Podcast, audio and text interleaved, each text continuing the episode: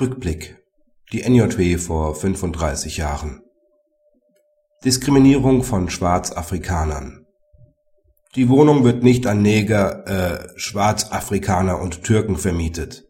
Mit diesen Worten hatte die Hausmeisterin den Klägern eine Besichtigung der Wohnung verweigert. Eine solche Äußerung ist diskriminierend und verletzt die Menschenwürde von Schwarzafrikanern, urteilte das OLG Köln NJW 2010 Seite 1676 in diesem Heft und sprach den Klägern jeweils 2500 Euro Schmerzensgeld zu. Die Hausverwaltung müsse sich diese Diskriminierung auch zurechnen lassen, da sie die Hausmeisterin als Ansprechpartner vor Ort eingeschaltet habe. Die Bezeichnung als Neger mag vor 35 Jahren noch keine abwertende Äußerung gewesen sein.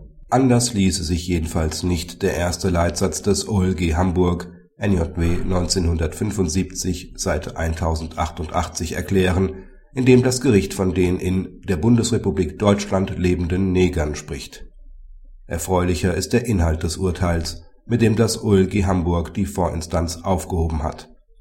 Das Landgericht hatte einen Leserbrief folgenden Inhalts in Bezug auf ein Titelbild mit einem schwarz-weißen Ehepaar nicht unter § 130 StGB subsumiert Ihr Titelbild zeigt in erfreulich anschaulicher Weise, wie unästhetisch eine solche perverse Verbindung ist: diese gierigen schwarzen Pranken auf der weißen Haut, diese abstoßende Brutalität, Primitivität und absolute Kulturlosigkeit im Gesichtsausdruck dieser Unterentwickelten